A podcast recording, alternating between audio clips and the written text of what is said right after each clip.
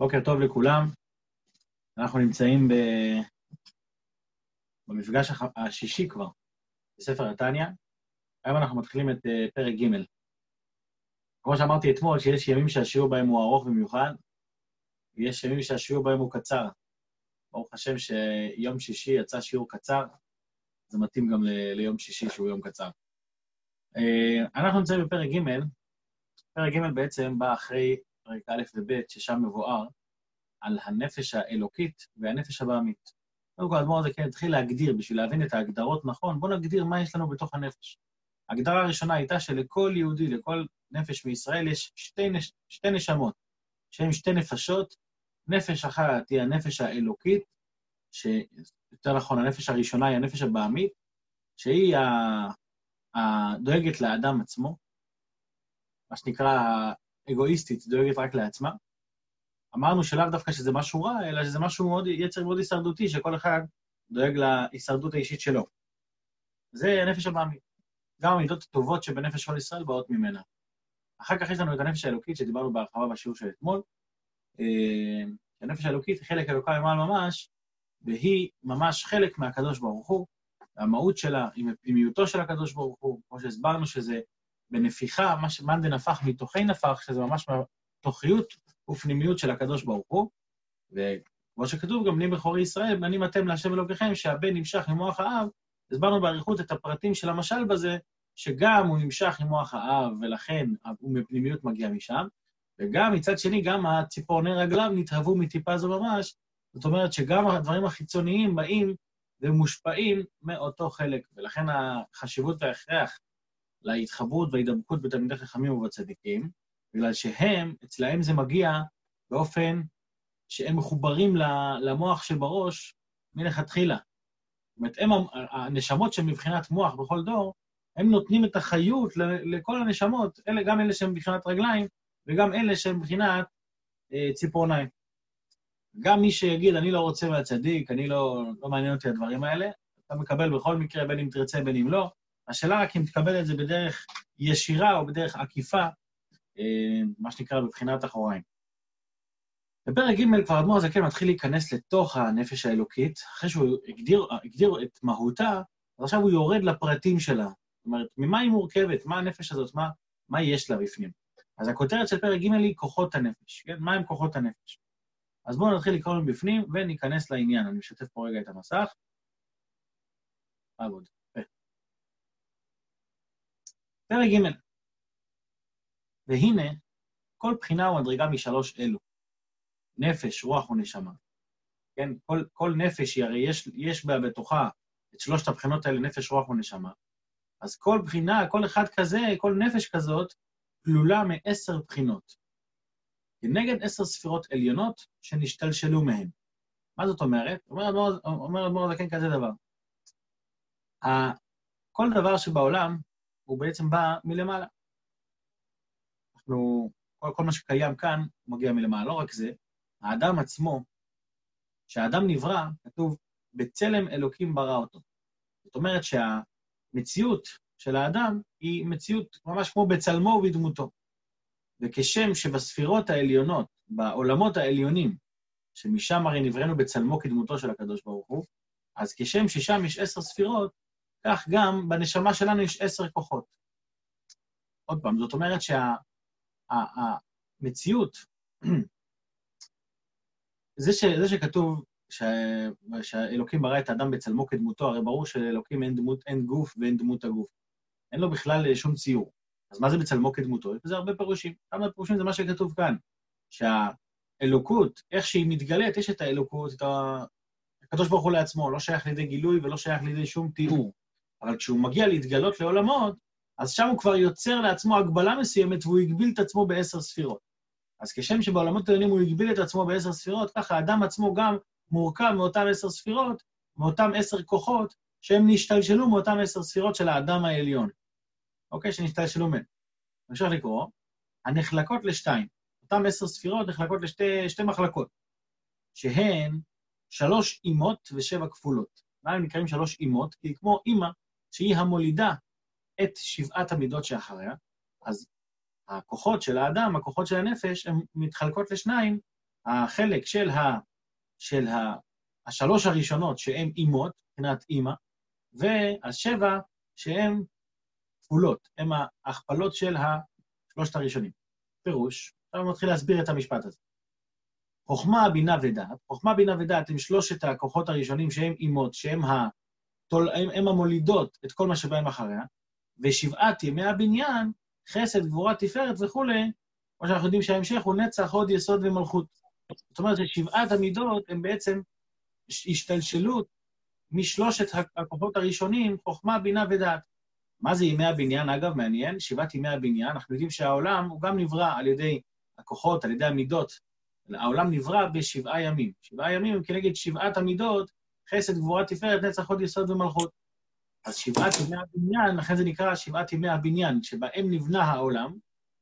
אז אלו הם שבעת ימי הבניין, חסד, גבורה ותפארת, אה, נצח, הוד, יסוד ומלכות. אז הם, המידות האלה, הן משתלשלות מהכוחות שלמעלה. וכך בנפש האדם, אז ככה, ככה זה בעולמות העליונים, אז אותו דבר בנפש האדם, כך בנפש האדם, שנחלקת לשתיים, שכל ומידות. השכל כולל חוכמה, בינה ודעת, שזה שלושת הכוחות הראשונים, והמידות הן אהבת השם ויראתו, אהבת השם ופחדו ויראתו לפארו וכולי. וחב"ד, חוכמה, בינה ודעת, נקראו אימות ומקור למידות, כי המידות הן תולדות חב"ד. זאת אומרת שבנפש שלנו יש שני חלקים, יש כוחות השכל, חוכמה, בינה ודעת, ויש את כוחות הרגש, שהם שבעת המידות. המסביר, זה כבר נקודה שאדמו"ר הזקן מסביר, הוא שתדע לך איך בנויה, הנפ, איך בנוי הנפש של האדם, באיזו צורה היא מתנהלת, היא מתנהלת בצורה כזאת שהשכל הוא מעל המידות, לא רק שהוא מעל המידות, הוא קובע ומכריח אותם. לפי איך שאתה מבין משהו, ככה גם הרגש שלך ילך. זה, זה תקף בכל תחום שקשור לעולם הרגש. אם זה בן אדם רוצה להיות בשמחה, אה, בן אדם, אה, מה שנקרא, מחפש אהבה, כל מיני דברים כאלה, אז כל רגש שבלב שבן אדם רוצה לעורר אותו, מאיפה הוא מתחיל? הוא מתחיל מהשכל. זאת אומרת, כשבן אדם מבין משהו, מתבונן במשהו, וזה מתעצם איתו, אז גם הרגש שלו מונחה בהתאם. בן אדם שרוצה להיות בשמחה לצורך העניין. אם הוא לא יתבונן כל הזמן מה, בדברים שמובילים אותו לשמחה, כמו להגיד תודה על מה שיש, ו- ולהסתכל על, על החצי כוס המלאה, ולדעת שהכל מלמעלה ושאין רע יורד מלמעלה, כל כך הרבה דברים שאפשר לחשוב בשביל לגרום למה? לרגש הזה שבלב, להתעורר בתוך רגש של שמחה. כך אומר אדמו"ר הזקן, זה בעצם הסדר באדם. החוכמה, בינה ודעת, כוחות השכל, הם האימות, הם, ה, הם, הם, הם המקור שמהם מגיעים כל שאר התולדות שהם המידות שבאים מהם. זה דבר טבעי. ואם לא, ובוא נגיד ככה, זה גם אותו דבר הפוך. אם לא יהיה את ההתבוננות ואת ההבנה, אז גם הרגש, הוא די מאבד את זה לגמרי במצב כזה.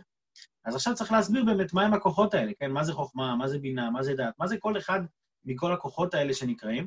בפרק הזה, פרק ג', אדמו"ר זה כן לא מסביר כל אחד באופן פרטי, הוא מתייחס בעיקר אה, לחוכמה, בינה ודעת, ושלושת המידות הראשונות, חסד, גבורה ותפארת, בגלל שהם עיקר המידות. כל השאר זה ענפים שמשתלשלים מאותו, מאותו עיקרון. אה, אם יהיה זמן, אנחנו כן נדבר קצת יותר מרחיב על, על, על הספירות עצמם ועל, ה, ועל הכוחות שבנפש. אז בואו נתחיל. נתחיל כי בשיעור שלנו היום אנחנו מדברים בעיקר על חוכמה ובינה. על דעת ועל שאר הדברים זה יותר שייך לשיעור של מחר, אה, שבעזרת השם נעשה, אני מניח שביום ראשון אנחנו נעבור על זה. אז בואו נתחיל להיכנס לעניין. וביאור העניין, כי הנה, כי הנה השכל שבנפש המשכלת, שהוא המשכיל כל דבר, נקרא בשם חוכמה. זאת אומרת, הכוח השכל הראשוני, שבן אדם מבין משהו, נקרא בשם חוכמה. חוכמה זה אותיות כוח מה. מה זה כוח מה? המה, מה זה מה? מה זה כאילו הדבר עצמו, מה? לפעמים אתה מנסה להבין משהו, ואתה מפעיל את השכל, אתה מתייגע בשביל להבין משהו, ופתאום אתה תופס את הנקודה, וואי. אז יש לך את המה, אתה תפסת משהו, אבל עדיין לא בטוח שאתה מצליח להבין אותו עד הסוף. זה נקרא כוח החוכמה. כוח החוכמה זה ההברקה הראשונית, זה נקרא במקום אחר ברק המבריק. ההברקה הראשונית ש... שמבריקה לך באיזושהי השכלה מסוימת. זה נקרא גם במקומות אחרים, זה נקרא כוח ההמצאה. הרבה פעמים אנחנו רואים במפעל שרוצה להעסיק אנשים, אז הוא, הוא, כמה, הוא מעסיק כמה, כמה סוגי אנשים. יש סוג אחד שזה ה, ה, מי שיש לו מוח יזמי, שהוא צריך להמציא דברים. בוא'נה, אולי נקים בית מלון באיזשהו מקום על הר ונעשה משם איזה... אז הוא הממציא, זה כוח הממציא. מה הבעיה בבן אדם שיש לו כוח ממציא? זה לא בעיה, זה מעלה גדולה. אבל ח... מה חסר לו? חסר לו הפרקטיקה. חסר לו בעצם להביא את זה לידי פועל. נכון שיש המצאה טובה, אבל צריך להוריד את זה לפרטים. אוקיי, מה זה אומר בית מלון באמצע המדבר? אתה צריך תשתיות, אתה צריך, אה, אתה צריך אה, פועלים, אתה צריך דברים, זה, זה כולל הרבה הרבה פרוצדורות. לא, אבל זה לא שייך לעולם החוכמה. עולם החוכמה זה עולם ההמצאה, זה הנקודה הראשונית. גם כשאני מבין משהו בשכל שלי, בום, נפלה לי ההבנה. הבנתי, אבל עכשיו, עכשיו מה? עכשיו אני צריך, עכשיו אומרים לך, טוב, תסביר, חכה, חכה, אני לא יכול להסביר, חכה. למה אתה לא יכול להסביר? בוא תסביר. לא, חכה, אני צריך להבין את זה יותר. למה? כי זה עדיין לא התלבש במילים, זה עדיין לא ירד לפועל. זה נקרא כוח מה. יש לך את המה, אבל, אבל בוא תסביר לי את המה הזה, לא, אני לא יכול להסביר לך את זה, אין לי מילים להסביר. או לפעמים אנחנו מבינים איזה משהו, נופל לנו הברקה, הבנתי. נו, תסביר. אני לא יכול להסביר, לא, לא, לא יודע, לא, לא יודע להסביר. מה, למה אתה לא יודע להסביר? אם הבנת, כנראה שאתה אמור להסביר. לא, זה, זה עדיין רק בשלב החוכמה. אם אתה רוצה שזה יבוא להבנה יותר, אתה צריך לרדת לשלב השני. אני ממשיך לקרוא בשורה השנייה, וכשמוציא כוחו אל הפועל, שמתבונן בשכלו, להבין דבר לאשורו ולעומקו מתוך איזה דבר חוכמה המושכל בשכלו. זאת אומרת, אחרי שנפל לי ההבנה הזאת, אני רוצה להוריד את זה, שם זה נקרא בינה. מה זה בינה? בינה זה הכוח בנפש להתבונן. להתבונן, להוריד את זה לפרטים. לכן, אגב, או, והן הם אב ואם. כן, למה זה נקרא אב ואם? החוכמה נקראת אב והבינה נקראת אם. כי האבא, הוא נותן נקודה. הוא ככה נותן משהו, משהו קטן. מה שנקרא גם, ההבדל בין גברים לנשים באופן כללי, שגברים חושבים אה, באופן כללי, גברים הם יזמים מעולים. להוריד לפרקטיקה לאו דווקא. פרקטיקה זה העולם של אנשים. שזה אומר, שזה אומר, לפעמים, לפעמים יוצאים לאיזה טיול, כן? רוצים לצאת לטיול. אז הגבר, מה הוא מסתכל על הטיול? אני צריך שיהיה לי את הפחמים למנגל, ואת הבשר לאכול, ודלק ברכב, משהו כזה, זה, זה מה שצריך בשביל טיול. האישה, על מה היא חושבת? צריך את המלחייה, צריך מי חם, צריך קולפן, צריך אה, המון, כל הפרטים הקטנים, זה, זה ההבדל בין חוכמה לבינה. שחוכמה זה הכוח, נקודה, זה נקודה, זה עניין כזה, זה המצאה. הבינה היא צריכה להוריד, היא מורידה את כל הדברים האלה לפרטים. ולכן הבינה נקראת אם. כי הירידה הזאת לפרטים, אגב, גם, ב, גם בהשכלות זה ככה, כתוב על אדמו"ר הזקן, נגיד. כתוב שאדמו"ר הזקן הוא, הוא החוכמה שבחסידות. למה? כי הוא הביא את, החסידות בנקודה. בספר התניא, ספר אחד שמובא שם המון המון המון דברים. לעומת זאת, האדמו"ר שאחריו, האדמו"ר האמצעי, רבי דובר, הוא נקרא הבינה. הוא הבינה של, ה, של החסידות. למה? כי האדמו"ר האמצעי דיבר בהרחבה גדולה. המאמרים שלו ארוכים, ארוכים, ארוכים. ברגע שזה מתחיל להיכנס לאריכות, זה כבר הכוח של הבינה, לפרט את הדברים לפרטים. אז זה בעצם ההבדל בין חוכמה לבין בינה. לכל אחד כמובן יש את המעלה שלו, את היתרון שלו, וזה לא יכול בלי זה וזה לא יכול בלי זה. הבינה לא יכולה בלי החוכמה. כי, כי בלי נקודת החוכמה, את מה, תפת, את, מה, את מה היא תפתח? היא צריכה משהו, חומר גלם להתעסק איתו. והחוכמה לא יכול בלי הבינה, כי בלי הבינה, אז אתה לא תבין את מה שאתה בעצמך הבנת. אתה צריך לפתח את זה. וכשאתה מבין שיש חיבור בין חוכמה לבינה, כשיש את החיבור הזה, שגם הנקודה וגם הפרטים, גם ההתבוננות הזאת, מה הן עושות? מה הן עושות? הן מולידות אהבת השם. הנה. והן הם, אב האם, המולידות אהבת השם ויראתו ופחדו.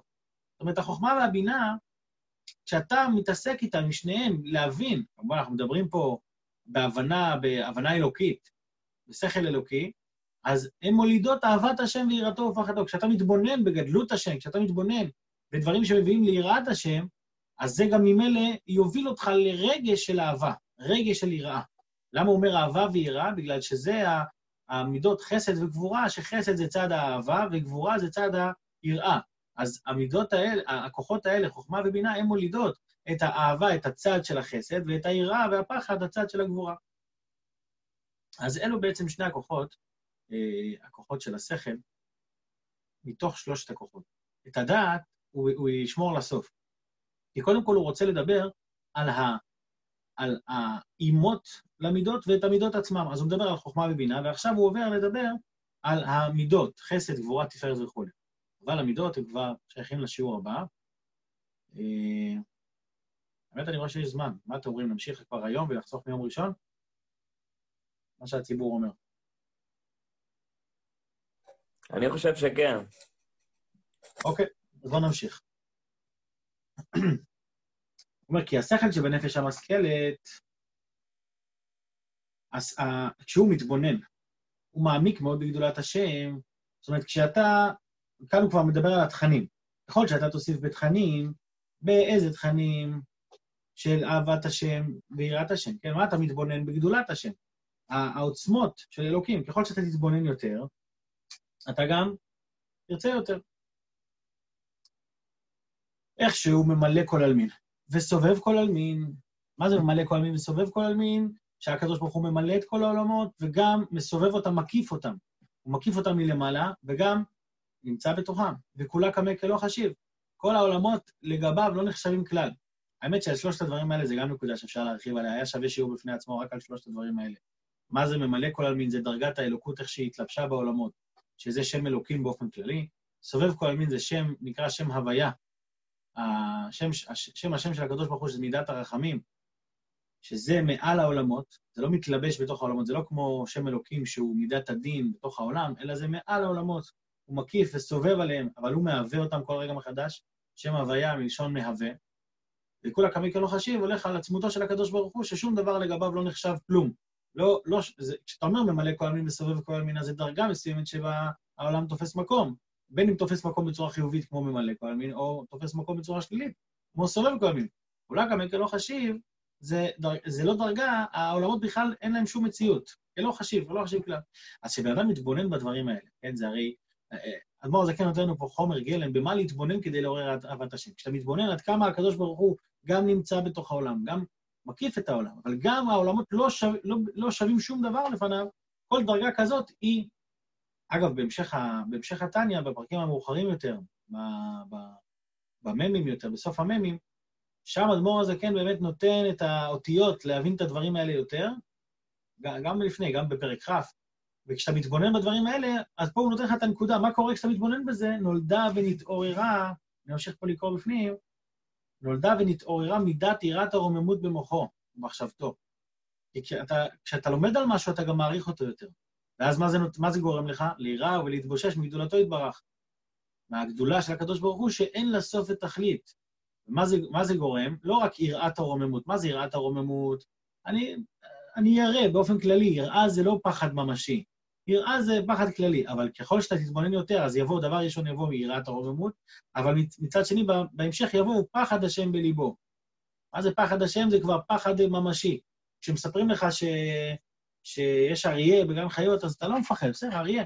אבל כשאומרים לך שהוא מעבר לדלת פה, ואם אתה יוצא, יש מצב שהוא טורף אותך, אז כאן זה כבר פחד. אז אותו דבר כשמדברים על, על אלוקות. כשאתה מתבונן בזה באופן כללי, אז זה מביא אותך ליראה, אתה, אתה, יראת הרוממות. אבל כשאתה מתבונן בזה עוד יותר, וזה מוריד את זה גם ללב, לרגש, אז זה, זה מביא פחד השם בליבו. פחד אה, לא להמרות, לא פחד עכשיו מעונש דווקא, אלא פחד לא להמרות את, את אה, פי קודשו של הקדוש ברוך הוא. ופחד השם בליבו. ושוב, התלהב ליבו באהבה עזה כרשפה אש, זה אחרי שעברנו את שלב הפחד, אתה מגיע גם לשלב האהבה. שהאהבה זה הרצון להתקרב, ההבדל בין פחד לאהבה, ופחד זה מעורר ריחוק, אני כל כך רחוק, אני מפחד ממך. אהבה זה מעורר קירוב, אני כל כך רוצה להתקרב אליך.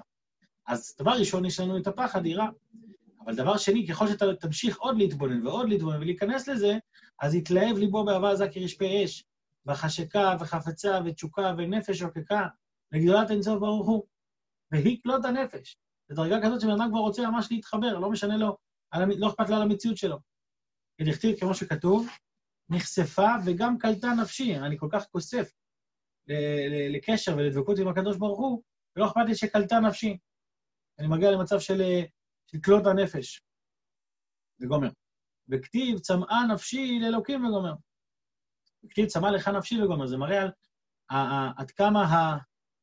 עד כמה החיבור הוא כל כך עמוק וכל כך חזק, שהוא כל כך רוצה להתחבר ברגע של אהבה. מה הקשר בין צמאון פה למושג אהבה? והצמאון הוא מיסוד האש שבנפש האלוקית. אהבה זה גם אהבה בוערת כאש. והצמאון הוא גם סוג של אש, אני, אני כל כך צמא, אני רוצה. זה, זה תנועה של יציאה מעצמי. זה שונה, אגב, מפחד, שפחד הוא, הוא תנועה של כניסה לעצמי.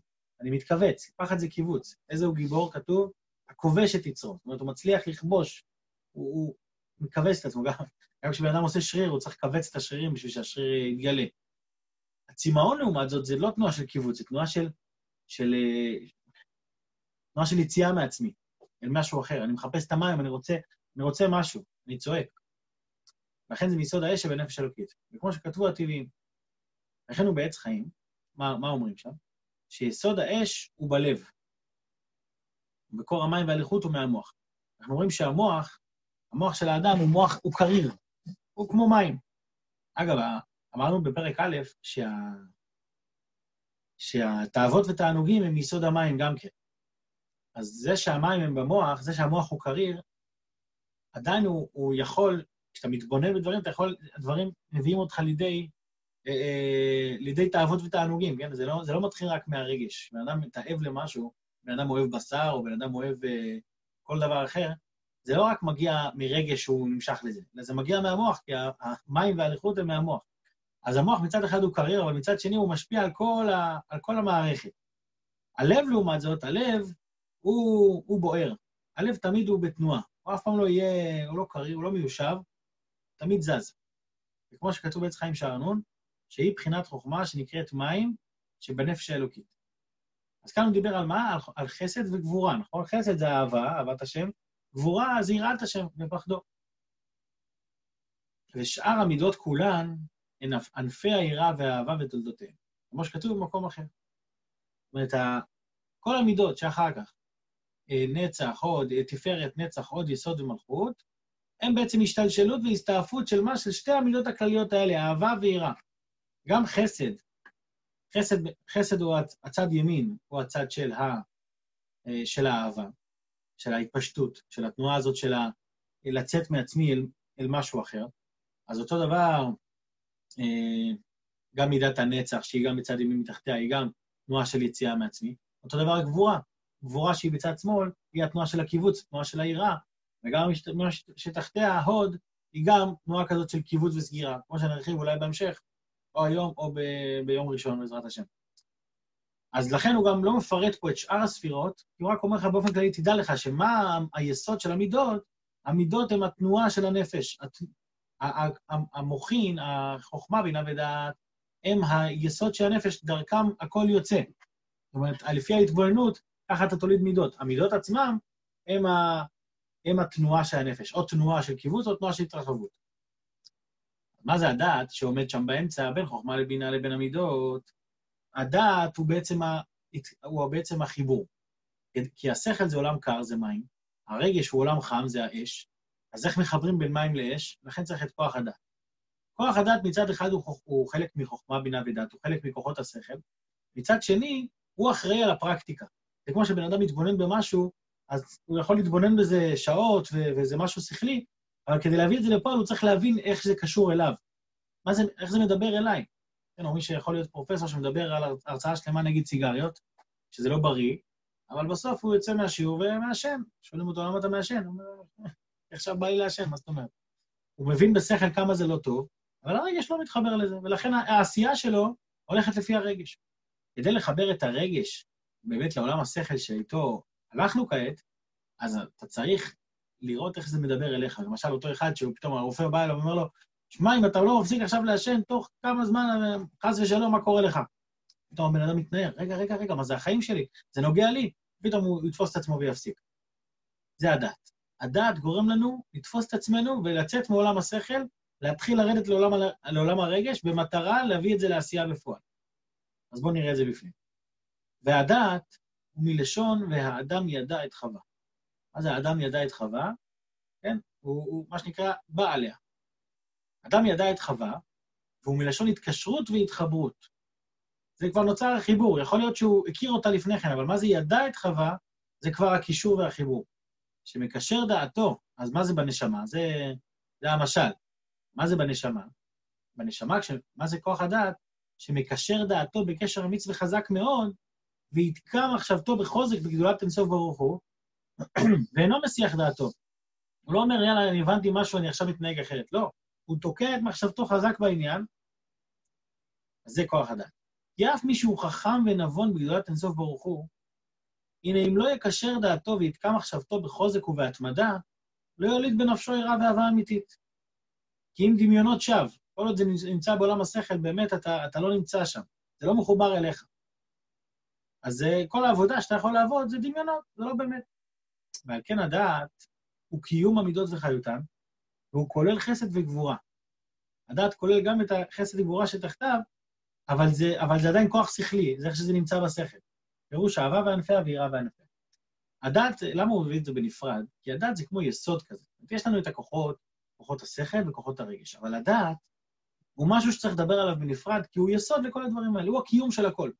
אם בן אדם אין לו את הדעת, את, ה, את, ה, את היכולת להגיד, זה מדבר אליי, זה עניין שלי, אז זה ייקח חסר מן הספר. לכן באמת אדמו"ר הזה כן מסיים את הפרק דווקא בנושא הזה של הדעת. כי מדברים על כוחות הנפש, מדברים פה על, אה, על דרגות גבוהות, חוכמה, בינה, חסד, גבורת תפארת, כן, אמרנו, אמרנו אה, קיבוץ, התפשטות, כל התנועות האלה של הנפש, אבל הכל הכל טוב ויפה, אם זה לא מגיע לידי מעשה, אם זה לא מביא אותך להנאה, לפעולה טובה, אז חסר משהו, ולכן אתה צריך את הדעת, אתה צריך, בכל דבר שאתה לומד, בכל דבר שאנחנו לומדים, אנחנו רואים, אנחנו צריכים לראות איך זה מדבר אליי. איך אני חלק מהעניין הזה? איך אני לא נותן לזה לעבור מתחת לרדאר ולהגיד, טוב, שלום. זה הכוח המרכזי בנפש שגורם לי בעצם לעשות משהו. אז uh, בעזרת השם, שנראה את הכוחות הנפש, בעזרת השם ביום ראשון, אני אדבר אולי כמה מילים על הכוחות עצמם.